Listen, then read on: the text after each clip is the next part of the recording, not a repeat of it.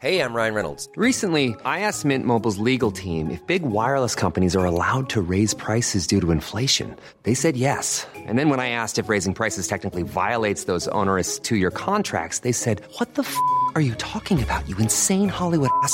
F- So to recap, we're cutting the price of Mint Unlimited from $30 a month to just $15 a month. Give it a try at mintmobile.com slash switch. $45 upfront for three months plus taxes and fees. Promo rate for new customers for limited time. Unlimited more than 40 gigabytes per month. Slows. Full terms at mintmobile.com. Hiring for your small business? If you're not looking for professionals on LinkedIn, you're looking in the wrong place. That's like looking for your car keys in a fish tank. LinkedIn helps you hire professionals you can't find anywhere else, even those who aren't actively searching for a new job but might be open to the perfect role. In a given month, over 70% of LinkedIn users don't even visit other leading job sites. So start looking in the right place. With LinkedIn, you can hire professionals like a professional. Post your free job on linkedin.com slash people today.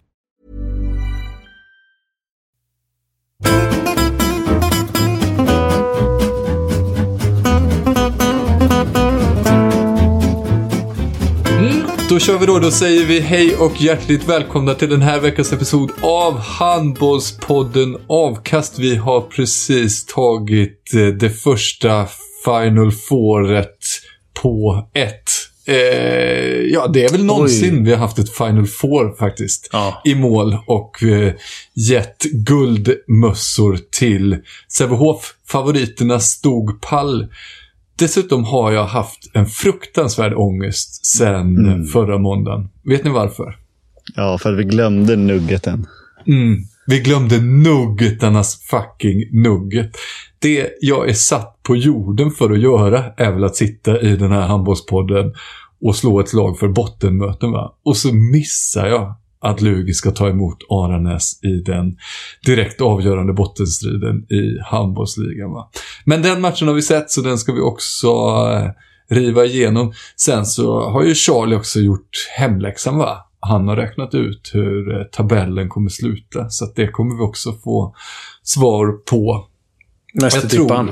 Mm, precis, vi har satt vår bästa tippare på jobbet. Jag gissar, utan att veta det, att Josef kommer ha vissa invändningar mot några av tipsen. Och jag tror att jag också då har en känsla för vad jag ska lägga mina pengar sen. På Josef alltså. Eh, exakt så. Förlåt min Ja. oskönhet, men är track recordet eh, på sistone Hattar kommer lyftas för- så småningom. Jag, jag börjar gilla, jag börjar fatta, ska jag säga, det här upplägget mer att, det, att jag är den som tippar och sen så är det ni, och så garvar alla åt mig. Att jag är Carl Pilkington Ja, du, i den här... eh, På tipparresa med Charlie Sjöstrand I, kommer i nästa den här. Ricky Gervais. Fan Charlie, kan inte du, kan inte du förbereda lite inför Final Four? Så här, gissa vilka som, säga vilka som går till final och så. Och så sitter ni och, och garvar läppen av er bakom min rygg sen. Jag fattar aldrig det när GP frågar sig. Eh, Charlie, kan inte du börja skriva lite texter? Att det var ju en Glenn Hysén-grej. Att är exakt att jag är GPs Glenn Kan Hysén. inte du ranka dina tio skönaste öl, Charlie? Det blir jättekul. Ja, precis. Ja, nu fattar jag det. Nu fattar jag det. Mm, och vi börjar väl då i änden med Final Fouret i Alingsås. Så jag tycker vi börjar kronologiskt för att vi börjar med eh, semifinalerna. För vi pratade ju om det ganska mycket i förra veckans avsnitt. Och för er som var med inne i värmen så vet ni ju att det vi pratade om då var att huvudet sa att Önnered skulle vinna. Men Maggen sa att H65 Hör skulle vinna. Och alldeles som vanligt och så som vi vill ha det så är det Maggen som har rätt till slut. H65 gjorde väl ungefär det vi sa att de skulle göra och det gav dem vinsten. Mm, vi är en Maggepodd. Vi får, aldrig glömma, vi får aldrig glömma det. Det betyder också att jag är huvudet. Jag är Glenn Hysén, men jag är också huvudet. Det är, det är såna jävla paradoxer. Ja, men det Men- tror jag inte någon har tvivlat på, att du är hjärnan i den här podden. Va? Och Glenn Hysén. Eh, det är det som är paradoxen. Man kan vara båda dem. Men ja, på ett sätt så känner jag att eh, ni måste ju... För alla er som såg semifinalen mellan H65 Hör och Önnered. Så måste ju ni, om ni inte förstod vad jag babblade om. Men det är precis det som Emil sa. Huvudet säger en sak, magen säger en annan. Så var ju det här en helt perfekt display över vad jag menar. Ni måste ju förstått det också, om ni inte gjorde det. Emil och Josef. Ja, men du hade ju precis det man brukar säga, rätt i sak. Jag satt då eh, med ett litet leende på läppen eh, matchen igenom, just av den anledningen att, ja, eh, när det började dra ihop sig, huvudet sa ju fortfarande Önnered då, men H65 Hör hade något annat som gjorde att de ville inte det. Det de framförallt hade var väl Gry Bergdahl i mål, va? Jävlar vad bra Vilken småländska? Jaha, nej, jag tror du skulle säga vilken, vilken dialekt tror du skulle säga. Ja, ja, men det, som, som smålänning i själ och hjärta så, så blir man ju väldigt glad. Det finns ju, Småland är ju väldigt stort va? Paradoxt nog eftersom det heter Småland. Men det finns ju några olä, eh, olika småländskor va? Och den som Gry Bergdahl har, eh, den är ju från Vetlanda-trakten. Och den tycker jag är en av de allra finaste småländska dialekterna. Vilken har eh, Lena Philipsson? Eh, hon är också från Vetlanda. Ja, jag tänkte det. För att det var liksom, det kändes som att efter Gruberg hade sagt, om vad det nu var, så här, det spelar ingen roll vilka vi får i finalen, så kändes det som att det lika gärna kunde vara, jag brukar sy mina egna kläder. det, var, alltså, det, det, det var precis som att det, det följer på varandra där. Ja, den är, den är svår att bli sur på, den dialekten. Nej, precis. Det, men jag tror inte heller nödvändigtvis att den eh, är den man ska langa fram på CVt om man ska landa något toppjobb eller så. Eller ja, kanske är den det också. Inte vet jag. Den är härlig i alla fall. Och vilken bra målvakt hon är, Gry Bergdahl. Och att hon kunde plocka fram det i en så pass viktig match som i en semifinal där. För att Önnered var ju i många delar av banan bättre. Men det spelar ju ingen roll om man spelar sig till jättebra lägen om man inte Nej. gör mål på dem. Och det var, jag tror det var Chris Härenstam som sa det i sändningen där i SVT att det är inte Önnered som missar sina lägen. Utan det är Gry Bergdahl som räddar bort dem. Mm. Och det är det ju för att man vill absolut ge det 100% till Gry Bergdahl. Men det är också Önnered som missar.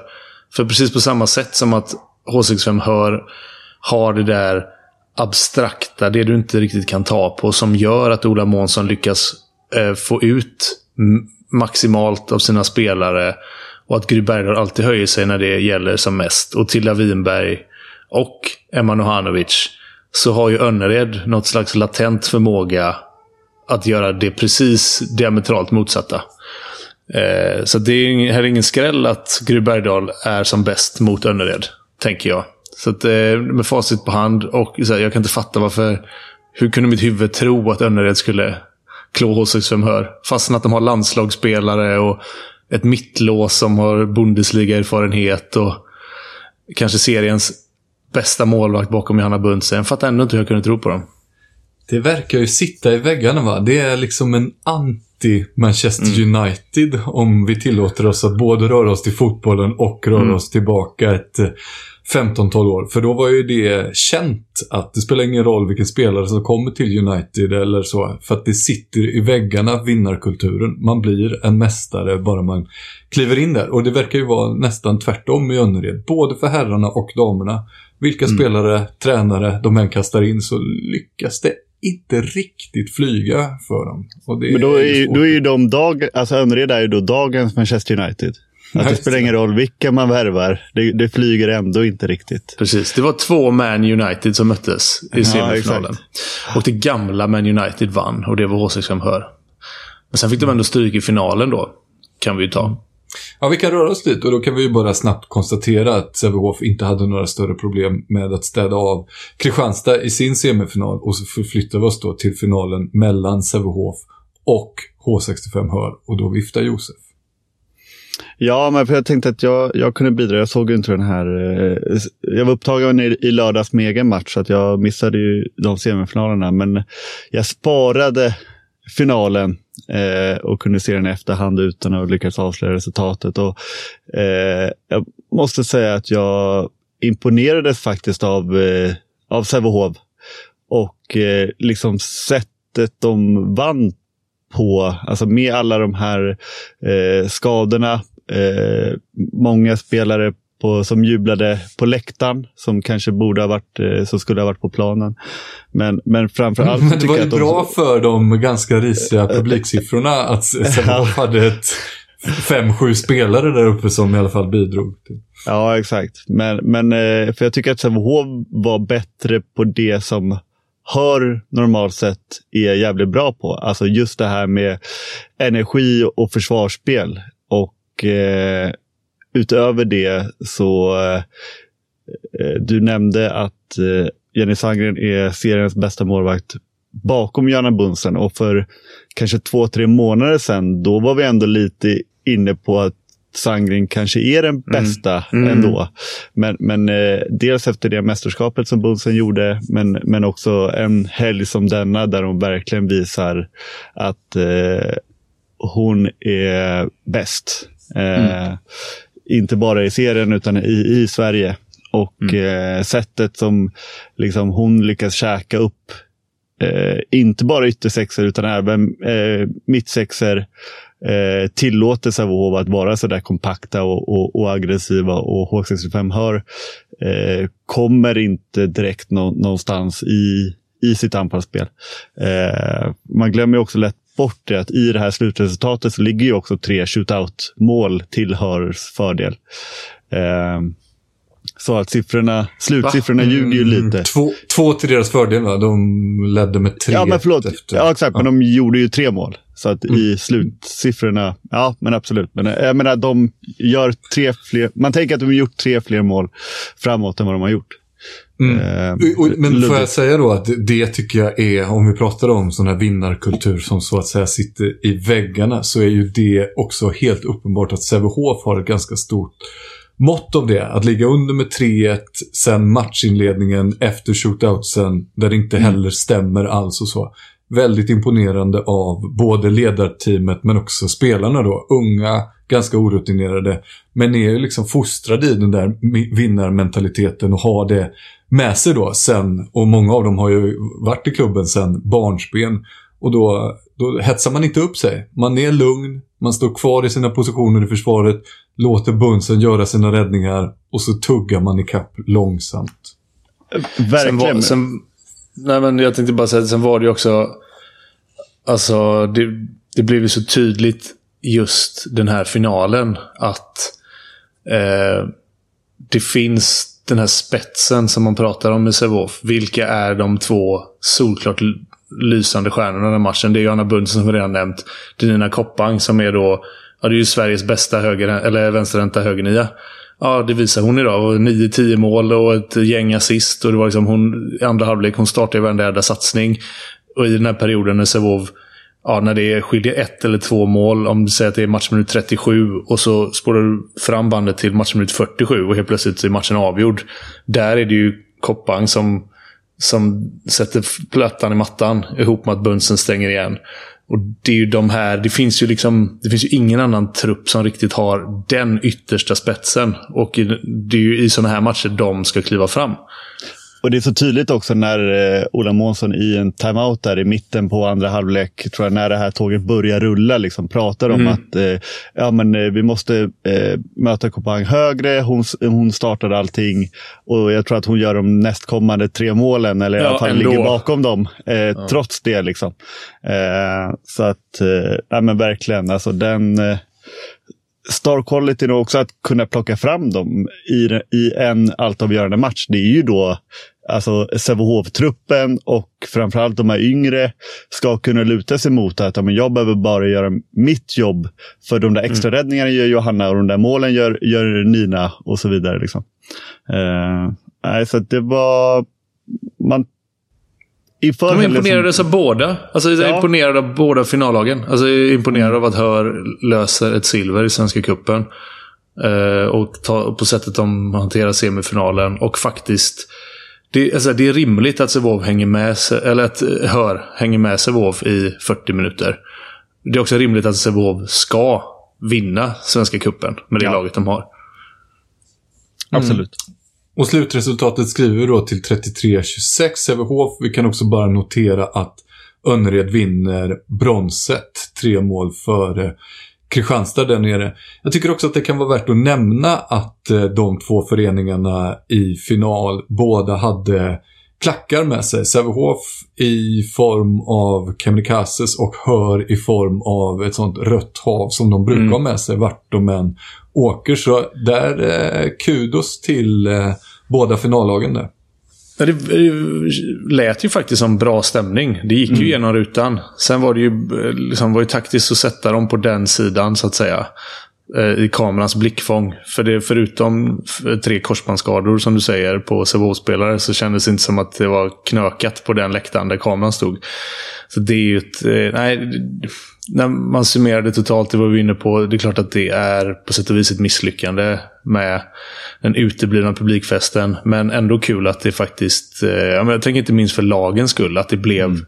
lite stämning och go och lite klackar och att det Ja, faktiskt lite ändå så här, hets, känn- hets ja, lite på hets, banan ja. och, och lite sådär. Och, och jag lyssnade ju till eh, den här intervjun med Peter Gensil som Johan Flink och Robin Nilsson gjorde i, i sin podd i, i veckan. Där ändå pra, för vi var ju kritiska i förra veckan eh, kring det här och det eh, ja, jag backar inte från det så att säga. Men, men just det där kring att man också får tänka lite långsiktigt och att jag menar, jag tycker ändå att det här eh, var ett lyckande på ett sätt, alltså den, eh, på sportslig del att eh, det blev en, en välspelad finalmatch, en eh, tight semifinal igår i alla fall och att det, liksom, det finns något att, att bygga vidare på, även om man samtidigt kan vara missnöjd med den liksom, faktiska publiksiffran i, idag. Då. Det Ja, jag alltså- tycker att man mest ska vara kritisk mot, det är väl hur pass få neutrala åskådare man lyckades få dit.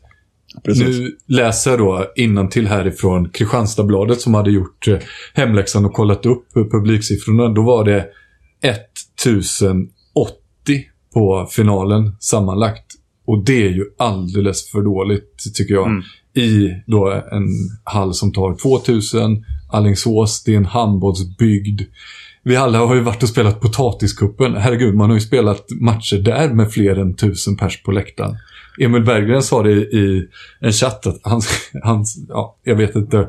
Men han sa att jag skulle kunna dra ihop en minihandbollsturnering med fler än tusen på läktaren och så. Så att det, lite tillspetsat då, men där tycker jag att det finns mer att jobba med. Att få den vanliga handbollspubliken till hallen. Där, där tror jag att man hade...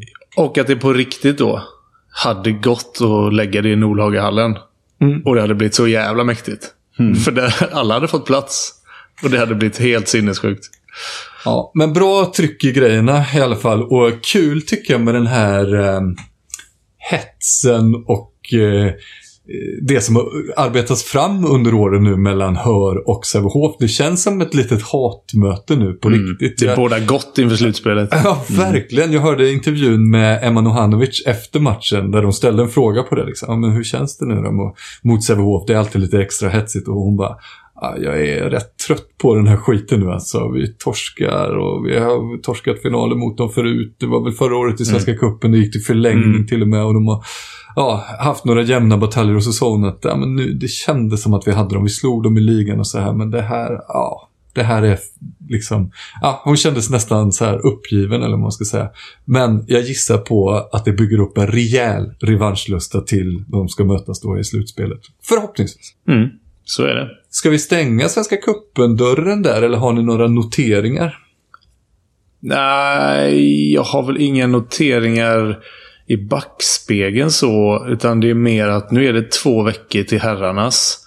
Och eh, med tanke på då att det var 1078 i hallen på finalen. Så hade ju jag känt lite grann, om jag satt på en annan stol, att så här. Fan, vi måste se till att det inte blir 1078 i Halmstad Arena. Alltså, jag hade känt lite panik och fått eh, liksom... Eh, ja. Jag hade, jag, hade försökt, jag hade försökt frammana någonting. Jag hade Trycka blivit lite desperat. Ja, jag, hade, jag hade försökt hitta en annan knapp då. Alltså, Jag vet inte vad, men, men det hade jag känt att liksom, det finns fortfarande tid att se till att den blir alltså här, över 50% beläggning i alla fall. Kom igen nu. Eh, det är tyvärr då för damerna att de får vara liksom som ett sånt Oj, det här, det här blev inte det här blev sämre än vi trodde.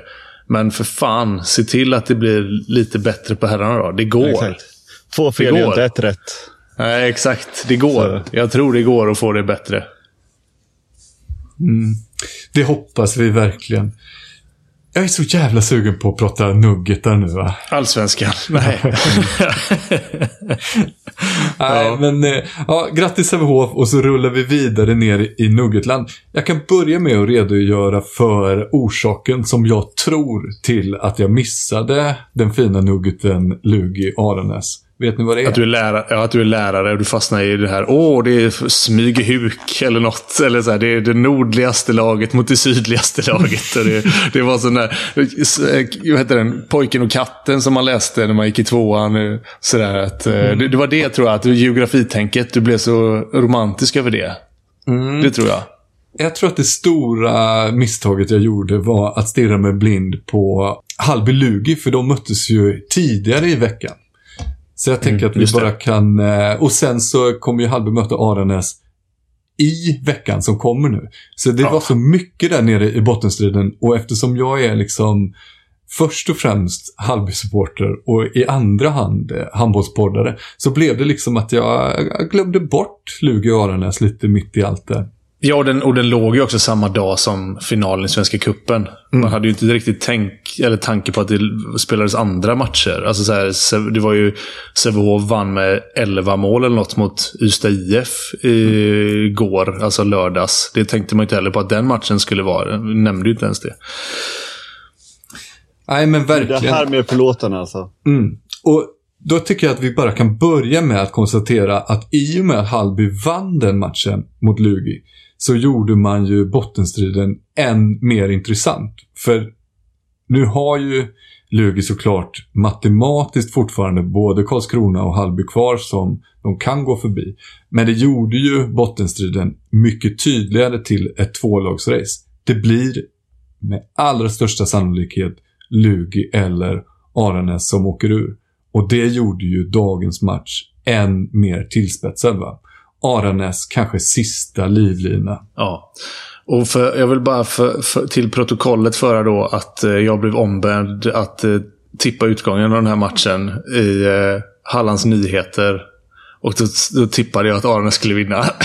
Så att ibland kan även en blind höna hitta ett korn. Men du blev väl också hånad av Ja. intervjuaren då? Alltså så jävla... Alltså så här, fredag eftermiddag eller någonting. Och så bara så här ringer från ett okänt nummer. Jag svarar. Jag står så här, matkassarna. De bara ah, “Tjena!” Eller nej, det var nog tidigare i veckan. Bara, du, eh, fan, eh, jag ringer från Hallands Nyheter. Jag tänkte bara, vad, vad tror du om Lugi Aranäs? Och jag var precis som du bara, Lugi Aranäs, är det dags för dem nu? Ja, eh, jo men eh, typ så här. Jag ska bara tänka på varför någon av dem skulle vinna. Uh, nej men, uh, fan men jag tror ändå att han är så. Liksom. Okej, men vad blir avgörande då? Jag bara, men, eh, uh, pff, ja du, ja, men typ Patrik, Patrik Bolls, han är ju bra liksom. Nu, Han behöver nog vinna målvaktsmatchen med Viktor Hedberg. Han bara, ja, jo, det är ju lite som att tippa ett kryss två på Stryktipset det va? Säga att en målvakt blir viktig i handboll. Bara, Tack för det experttipset. Jävla god reporter.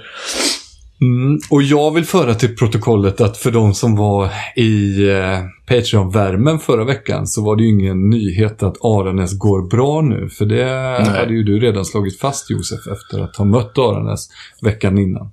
Ja, exakt. Och, och eh, det var inte allt för länge sedan som vi mötte Lugi också. Så då känner man ju att man har lite bättre koll på, på lagen än, än eh, sådär. Och, eh, men samtidigt så blev jag, jag blev lite förvånad över eh, eh, ja, lite coachingsgrejer, till exempel från Aranäs. Alltså Petter Donaldsson då, i matchen mot oss var, ja, gjorde tio mål och bombade från alla håll och kanter. Så får får han lite ja, sådär sparsamt med speltid i, i första halvlek och, och sådär. Och sen så när eh, Mikael Bäck Eh, stuka foten som hade börjat väldigt eh, starkt. Eh, han behövde utgå efter 15-20 minuter eller något. Då, då börjar ju även jag liksom tänka att ja, men det kanske blir Lugi ändå till slut. Men, men nej, jag, eh, Aranäs var välförtjänta av den här segern tycker jag. Alltså även om, för det är ju sådär med Lugi. Jag, jag antar att ni tycker exakt som jag, att de är ju för välkammade. Eh, alltså vi pratade om förra året eh, att ja, de spelade bra försvar i en match ungefär på hela säsongen. Och det var när det var fullsatt Lundaspelen när de mötte Sävehof och de var taggade till tusen. Och jag har ju exakt samma känsla kring, kring Lugi igen. Eh, däremot idag så tycker jag på vissa spelare att man såg att oj, åh fan, den här matchen gäller mer än alla andra matcher. Det här är en riktig fyrapoängsmatch. Helt eh, enig. De började ju redan i första försvarsspelet. Det var väl Precis. André Tusov, André Tusov som, eh, som det, bröt det, in från sin... Exakt, och det var inte bara en gång utan hon försökte liksom mana på eh, publiken, de, de, som var där. Och det var, det var lite av ett mer tänt Lugi. Och dels blir jag lite provocerad av att man inte ser det oftare. Eh, men, men, men också just det att det bådade ju för att det skulle bli en riktig jävla nugget med två desperata, vilt kämpande lag. Eh, och kanske inte alltid den bästa handbollen, men mycket känslor och, och, och bröt och sådär. Och, eh, och det blev det ju. Och jag kan förstå om det är, blev lite om det är lite lätt frustrerat så här efter matchen hos Lugi-spelarna. För jag tycker också, de får ju två domslut emot sig i, i slutet av matchen som en, alltså hur man än vrider och vänder på det, blir ganska så avgörande. Alltså den ena när Josef Helgesson plockar upp en boll som i alla fall den vinkeln jag satt ifrån, som ju är samma vinkel som många andra, alltså är tydligt utanför. Eh, en, eh, en retur som är tydligt utanför banan, så han hoppar in på dödvinkel och sätter in. Och sen får, i... jag bara pausa och säga att jag tycker att det är det är ett jävligt snyggt mål. Alltså, ja, ja, det, alltså, det, det, är liksom inte, det är inte estetiskt på det sättet att det är en hög eh, lobb eller en blöt handled med en flipp eller världens största knorr eller något. Men att i ett säsongsavgörande läge i slutet av den viktigaste matchen man har spelat ta ett dödlägekantavslut och göra mål på det. Svårighetsgraden ja. i det är, tycker jag ska räknas in när man bedömer snyggheten i ett mål. Verkligen, och just det att han får hämta bollen bakom sig. Alltså mm. ha ingen fart in i situationen. Liksom. Han får hämta sen, bollen utanför plan. Precis så. Och ja. eh, sen så när, när Luger kliver upp i anfall så får de ju en tidig avblåsning på ett mål då också. Så det var ju lite alltså det blir en, en tvåmålsvändning åt Arnas mm. fördel som jag förstår är jävligt tuff för Lugi att smälta en, en kväll som ikväll. Liksom. Det, ja, det är ju till slut bara en uddamålsvinst också. Det ja. blir ju 26 mm. till Aranäs och 25 till ja. Lugi. Så det är inte mycket större marginal än så. Nej, och, och, och jag menar rent teoretiskt så tar du bort ett mål från Aranäs som var ogiltigt och lägger till ett på Lugi så har du dina två poäng i, i Lund. Liksom. Så att, det, det, där är en eh, sån grej som alltid drabbar bottenlag, säger man. Ja. All, alltså, det händer ju aldrig att bottenlag får de eh, marginalerna med sig. Förutom när bottenlag möter andra bottenlag. Ja, Då, då blir helt perplexa bara, vad fan fick vi den med? Jaha, ja. de är ännu lägre på ja, ja. Deras moral ännu sämre. Okej, okay. ja, ja, fair enough. Ja, men då har vi ju läget då att eh, Lugi fortfarande är en pinne före, nio poäng, jämfört med Aranäs åtta poäng. Och vi går in i sluttampen av serien. Charlie, vill du börja redogöra lite för hur det här kommer sluta nu då? Man, ja, man vi, sitter ju, jag gnuggar ja. händerna, inte bara liksom i teorin. Inte bara hånfullt. Faktiskt gnuggar händerna för jag vill höra hur fan det här kommer sluta nu. Hur fan du ska skjuta ner det. Mm. Nej, men eh, det, vi, vi börjar väl där nere. Uh, liksom, vilka kommer åka ur? För det är ju det det, är det, det handlar om. Och det är precis som du säger det är ju Lugi eller Aranäs. Hade Lugi vunnit så hade det ju i stort sett varit kört för Aranäs. Det finns ju ingenting som talar för att de skulle liksom lyckas på de sista sex matcherna då ta eh, nästan dubbelt så många poäng som de hade behövt. Liksom. Men nu, nu eh, jag, jag, tror att när vi summerar det här så är det Josef Helgessons eh, giltiga, ogiltiga mål. Och eh, det är precis vad vi har gått igenom som som är det, det är vattendelaren. Det är det avgörande för hela säsongen. För precis som vi har sagt, alltså, trots att Aranäs ligger sist och åtta poäng, så är det liksom en positiv trend jag ser. Det var, och den började redan innan uppehållet. Det var tre raka kryss. Och det är liksom för ett lag som ligger i botten så är det... Ja, det var ju hälften av alla deras poäng. de tog där. Och sen efter uppehållet två ganska fina förluster, om man får kalla det så, liksom, mot Ystad IF och Hammarby. Där det var, alltså vi har ju hånat dem för att, ja visst, de har det bästa försvaret, men de gör inga mål. De har ju fått upp målproduktionen rejält. Så det är liksom två helt okej okay förluster. Eh, men så liksom framförallt den här ödesmatchen mot Lugi. Där Aranäs då är ju på ett sätt och vis överlevare på ett sätt som Lugi kanske... Ja, man tillskriver inte det som ett epitet för Lugi. Att de eh, slåss med näbbar och klor och överlever. Eh, så, och jag, om man tittar vad de har kvar så jag tror att Aranäs tar minst fyra poäng till. Eh, på de sex matcher som de faktiskt har kvar. Och det är ju samma både för Lugi och Aranäs. Det är väl liksom, man kan ju se det som en fördel för dem att de har flest matcher kvar ihop med Guif. Eh, och jag tror att Arnes kommer lyckas ta minst fyra poäng till och skulle då landa på 12 poäng. Eh, vilket innebär att Lugi då... Ja, för att gå förbi poängmässigt så behöver Lugi ta fyra poäng och det tror jag inte de gör. Däremot ska man komma ihåg att Lugi har ganska mycket bättre målskillnad i nuläget än vad Aranes har. Så att tre poäng till borde räcka för Lugi. Eh, för jag har svårt att se att Arnes också ska hämta in liksom 23 mål eller vad fan det är som skiljer. Men Lugi har ju precis tvärt emot Arnes en jäkligt negativ trend. Det var länge sedan de vann en match och även när de spelar jämt så är det som att det, det känns förutbestämt att de alltid ska ha stolpe ut på något sätt. Så att jag kan liksom inte se att Lugi ska plocka tre poäng på de här sista matcherna.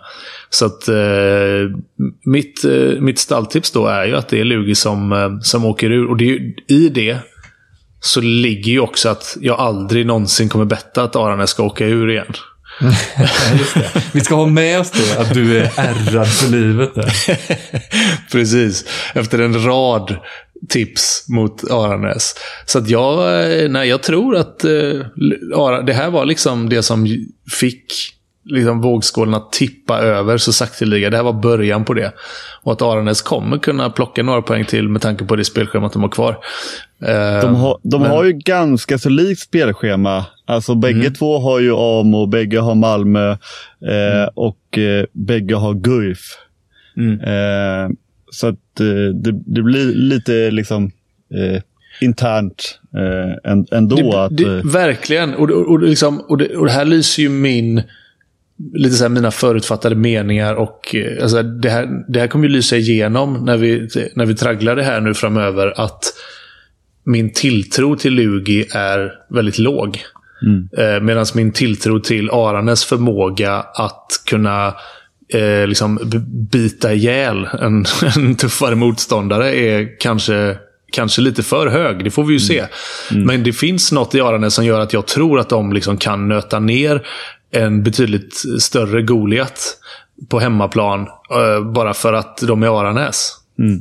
Det brukar väl också ligga en sån, i alla fall klyscha, men det kan ju vara en klyscha på grund av att det också är sant.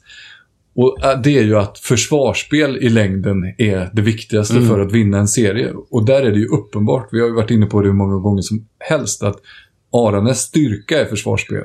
Lugis ja. svaghet är försvarsspel. Så att mm. om den klyschan ska ha någonting med sanningen att göra, då ska det ju vara Aranäs som klarar sig kvar och Lugis som åker ut.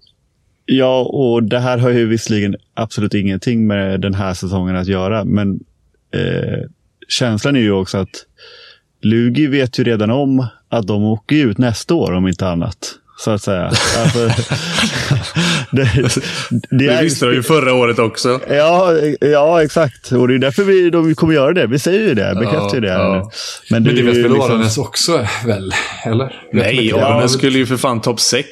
Ja, just det. Nu när de gör sig av med då, toppspelarna och går tillbaka till det gamla Aranäs-konceptet. Jag var... tror Filip Jonsson har en Aranäs-säsong till i sig. Då kommer allting, allting kommer bli bra. Ja, men då tackar ja. vi för den analysen och så tittar vi mm. lite högre upp i tabellen då. Precis, och då, eftersom Lugi då inte lyckades närma sig de övriga och vi kan konstatera att de två har sin egen lilla fight där nere så handlar det ju om vilka övriga två då, om vi säger att Aranäs kommer ta en kvalplats. Eh, då handlar det om Amo, Karlskrona eller Hallby. Och när du ställde den här frågan för ett par veckor sedan, så då sa min Magge Hallby.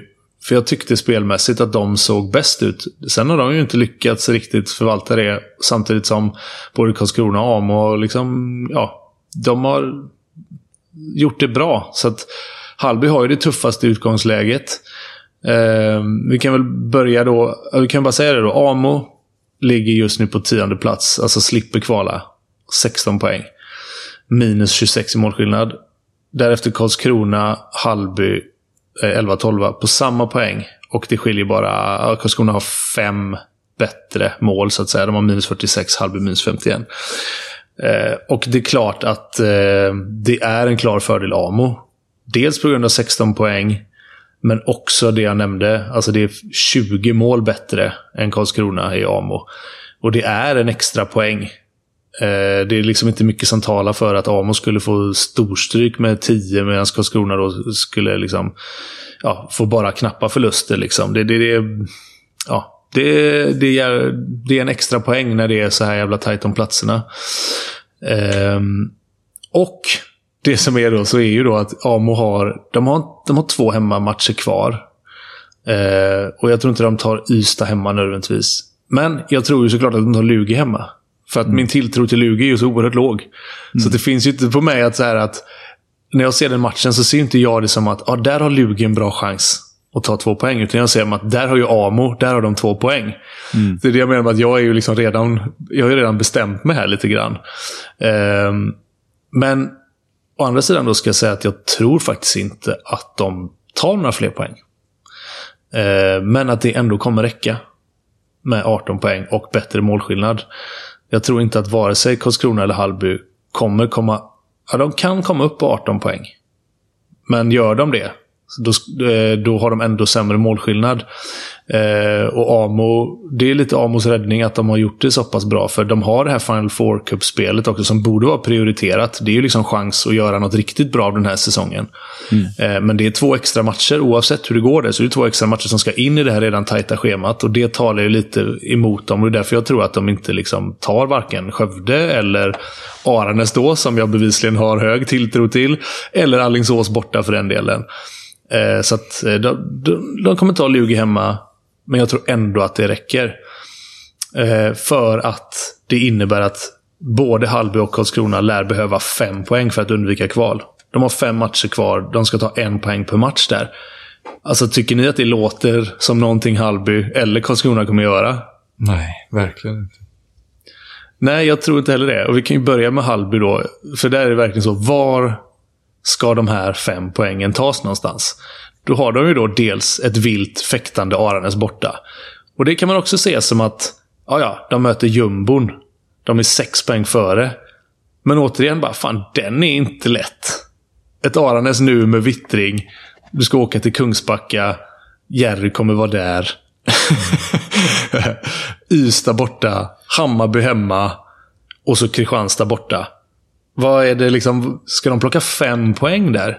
Nej.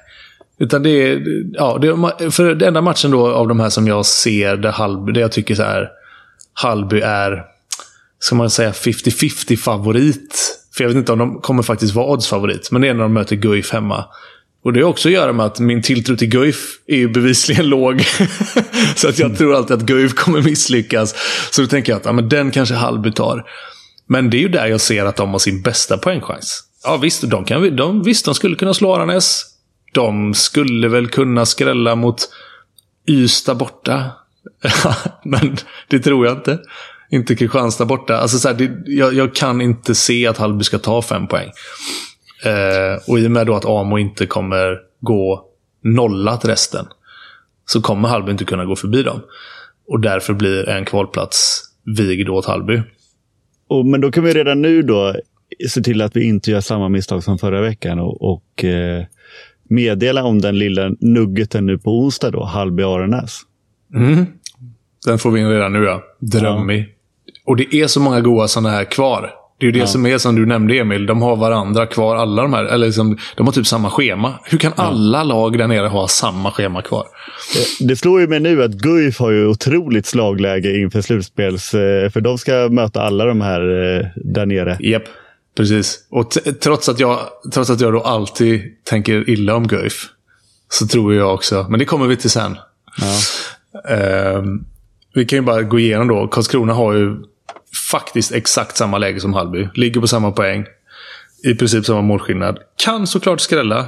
Men är egentligen bara hem, favoriter hemma mot Lugi. Är så här, de kan slå Önnered borta. Det kan ju alla. Men de borde inte göra det. Skulle kunna vinna mot Allingsås. Men det är sannolikt det är ju inte att de gör både dem. Alltså de, för det är ju det som krävs. Att de ska både då skrälla mot Önnered och skrälla mot Allingsås. För att ta liksom sex poäng eller fem. Liksom.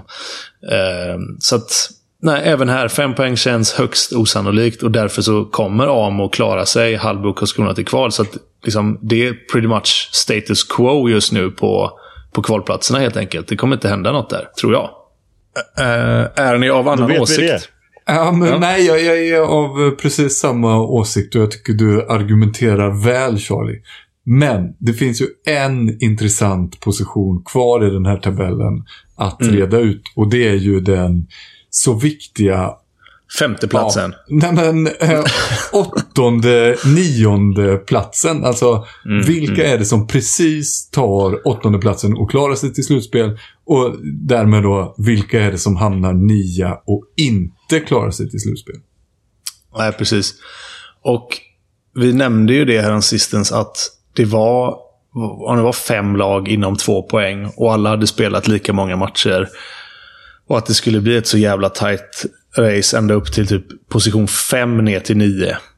Eh, nu har det dels så har det spretat lite. Vissa, vissa har spelat 22 matcher, vissa har spelat 20. Så det är lite orent sådär. Men det har ändå gått så pass långt. Och nu när man faktiskt studerar saker som eh, vilken form de, lagen har och vad de har kvar att spela. Så tycker jag att det utkristalliserar sig ganska tydligt vilka det står emellan. Eh, men vi kan ju bara ändå då för, för formens skull säga att eh, på femte plats med 25 poäng IFK Kristianstad. Sjätte plats Malmö 23. Sjunde plats Önnered 23.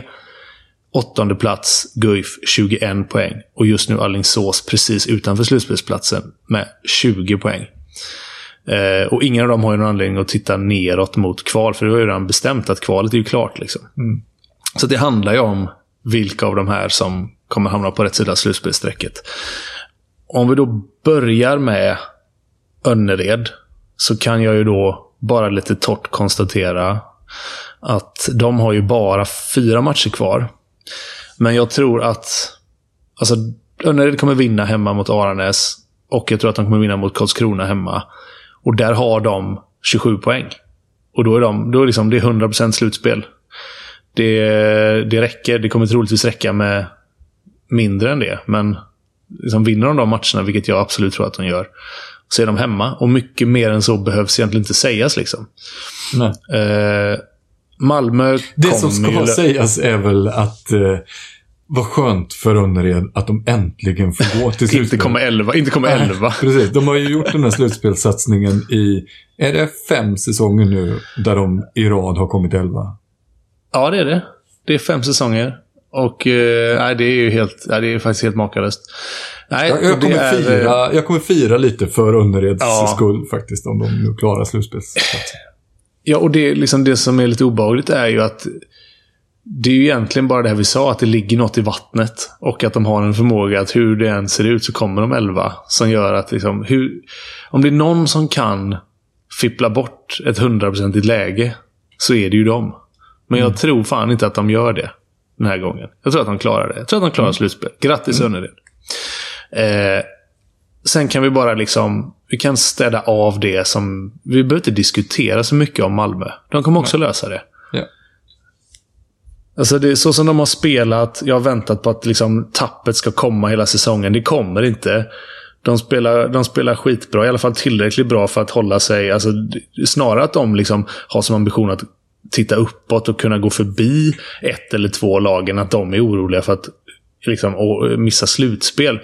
De ligger på 23 poäng just nu. Har fem matcher kvar. De kommer lösa det. det och, och det är så här av de fem matcherna så är tre stycken mot Lugi, Aranäs och Karlskrona. Det är, alltså, de, löser ju, de vinner ju två av dem. Eh, och, landar, och då är de också på 27. Och så är det safe. Och så är det IFK Kristianstad på femte plats. Ah, det är ju mest roligt att, liksom så här, att de ligger inom räckhåll, men de är ju inte ens inblandade. De behöver, alltså, med, med samma logik så behöver de två poäng, kanske bara en för att vara helt safe. Och de har helt överlägsen målskillnad. Så att, ja, vi, vi nämner dem bara för att, de, för att det teoretiskt skulle kunna skita sig. Men det kommer det inte göra. Så då är, vi ju, då är det ju kvar då. Uff, det är Två lag. tvålagsrace här. eller? Det är tvålagsrace och det är precis de som ligger där just nu. Eh, på åttonde plats, innehavare av sista slutspelsplatsen just nu, är Guif. Har spelat 20 matcher, har 21 poäng. Och Alingsås då, som precis omvänt har spelat 21 matcher och har 20 poäng. Dock ska ju sägas här då att Alingsås har eh, 23 mål bättre målskillnad än vad Guif har. Eh, vilket, som vi redan har konstaterat, det är ju om inte en poäng så är det i alla fall en halv poäng. Så att det kommer bli jävligt tight. Och här är det... Jag nämnde det förut. Guif, Hallby. Jag sa att ah, det är den matchen jag ser Hallby har bäst chans att vinna. Det här tror jag kan visa sig vara nyckelmatchen. För jag tror att, att Guif kommer slå Lugi hemma. Jag tror också de kommer slå Aranäs hemma. Då har de 25 poäng. Eh, och så kan vi stanna där. Ara, eller Alingsås då. De behöver ju liksom... Jag tror de behöver vinna tre av sina fem sista. Och då har de Karlskrona borta, Skövde hemma, Malmö hemma, Lugi borta, Amo hemma. Om de vinner på...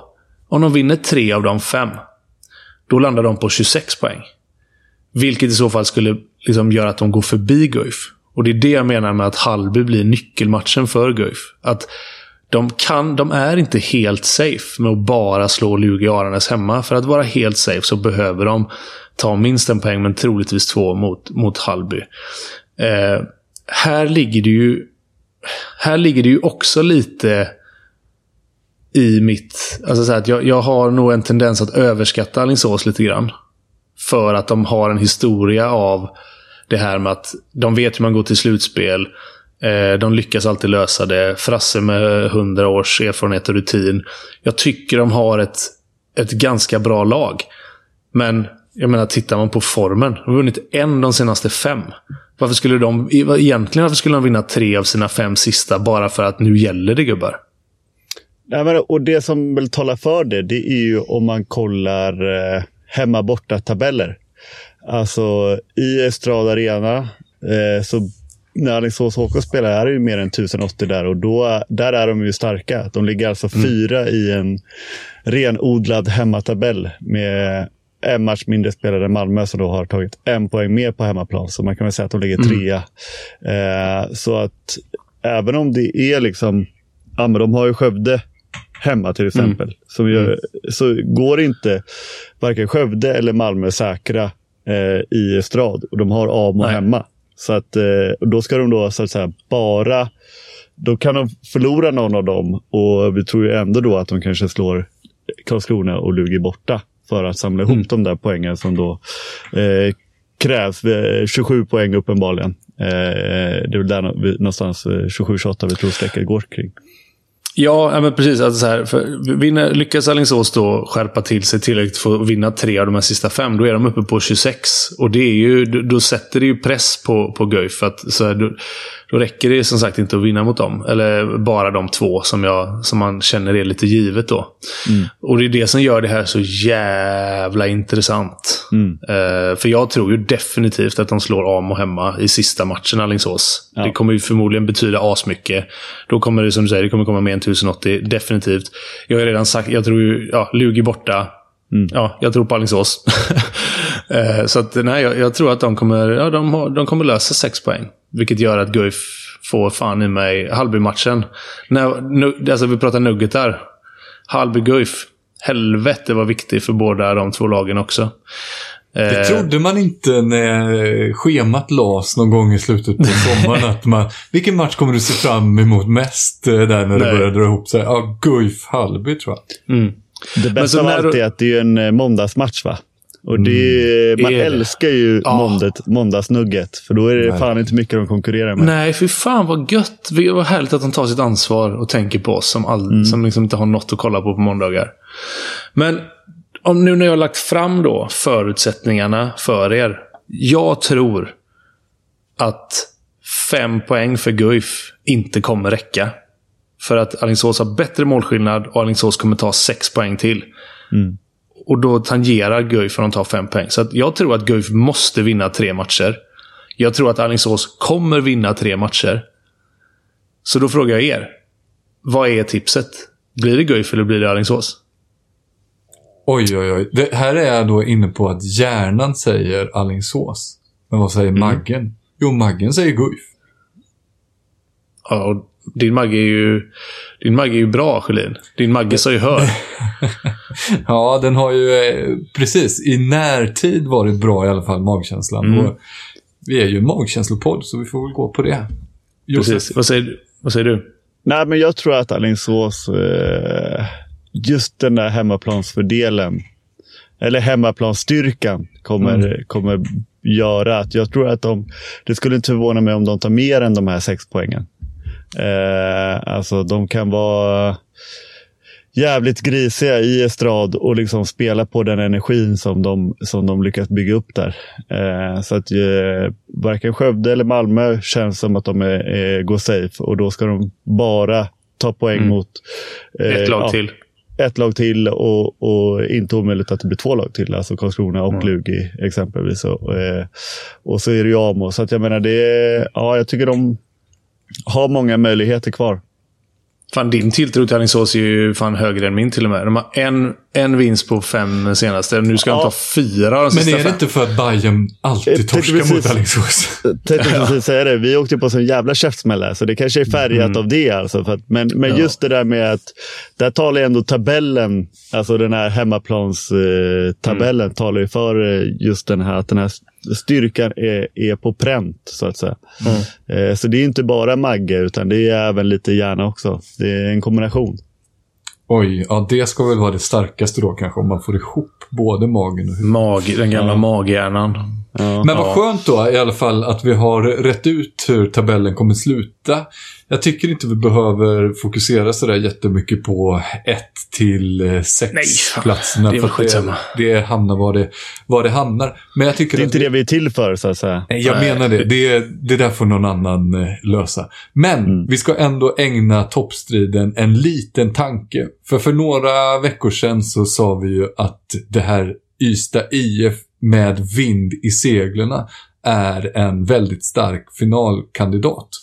Och den andra finalkandidaten har ju varit där sedan länge, Sävehof. Och i veckan möttes de och Sävehof stämde i bäcken, som Josef Pujol brukar säga. 37-26. Det Ja, vad är hände att med sätta vinden? ner foten. Vinden Ja. mojnade nere på den svenska sydostkusten. Ja, De och hade då var fokus ju- på borden. Precis, då var ju dessutom eh, det tisslades och tasslades ju inför matchen att Simon Möller och Pontus Brolin inte skulle vara med. Så då ökade ju de- här eh, eh, Maggen talade ju ännu mer för, för Ystad, så att säga. Men, men eh, nej, det var ju jäkligt imponerande av eh, Sävehof, får man ju säga. Eh, men det är också intressant för att vi, vi pratade ju för några veckor sedan om ja, vår-Ystad kontra höst-Ystad. Och så bad vi ju då, eh, han heter Dan, ja fan, Daniel tror jag han heter på det här handbollsdata. Daniel Eh, Schnell. Precis. Eh, och han mejlade ju dig, eller DMade ju dig, Emil Sjölin, och just det där. Eh, för han rätade ju ut lite de utropstecken, eller nej, han krokade ner de utropstecken som vi trodde oss hade rätat ut. Eh, just där kring att ja, men försvars och målvaktsspel har inte utvecklat sig så mycket som vi då eh, hade trott, utan det var mer i, i andra änden, i anfallsspelet kanske, där, de, där det var störst skillnad. va? Ja, och då var det ju, då var det ju framförallt typ skottprocenten. Alltså Ystad gör mål på fler av sina avslut nu än vad de gjorde i höstas. Så att det, det var inte målvaktsspel och försvar som hade ökat så himla mycket. Alltså Daniel Snäll är ju förödande för en eh, Magge-podd. ja, verkligen. 100% hjärna tror jag. Ja. Data Exakt. liksom. Det är- 100% fakta, 100% fakta. Mm, ja. Det går ju inte. Nej, så här kan vi inte ha det. Nej, men och, och även i den här matchen då så vann ju eh, Möller borta till trots så vann ju Sävehof målvaktsmatchen ganska ordentligt. Jag tror Ystad skrämde ihop till, till fem räddningar och eh, jag tror att det var över dubbelt så många i andra änden.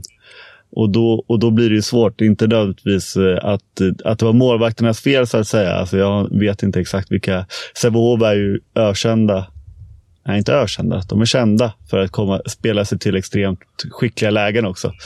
Eh, och ha, spelar ju med väldigt, eh, har, har ju väldigt hög utdelning. Eh, men så även i lördags.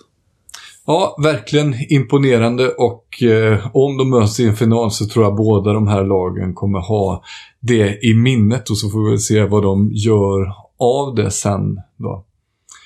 Jag tror att vi sparar. Vi har ju en jävla fin nugget-omgång i eh, Allsvenskan kvar. Sista omgången i Allsvenskan. Men den, vi, bara spa, vi bara slänger ut en liten teaser om att vi kommer återkomma till den. För det är en jävla fin sista omgång där. Men jag tror inte vi har mer tabell och sånt eh, snack i oss nu. Och förutom det Nej. så kommer vi också tisa om att eventuellt så kommer vi inte vara tre nästa vecka.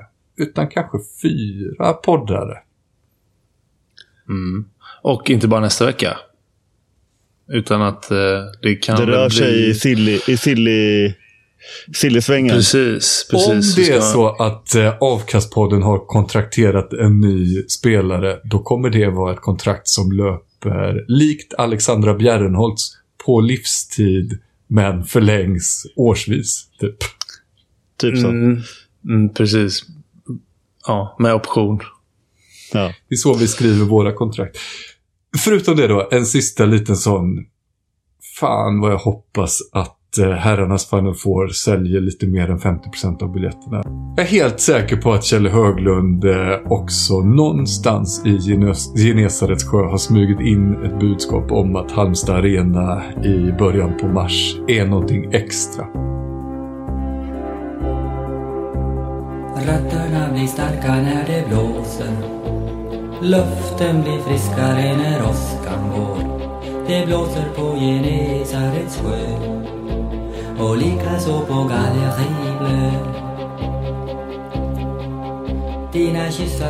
smultron och mjölk. Om ett annat liv. Låt ditt hjärta slå extra slag. Even on a budget, quality is non-negotiable. That's why Quince is the place to score high-end essentials at 50 to 80% less than similar brands. Get your hands on buttery soft cashmere sweaters from just 60 bucks, Italian leather jackets, and so much more. And the best part about Quince, they exclusively partner with factories committed to safe, ethical, and responsible manufacturing. Elevate your style without the elevated price tag with Quince. Go to quince.com slash upgrade for free shipping and 365-day returns.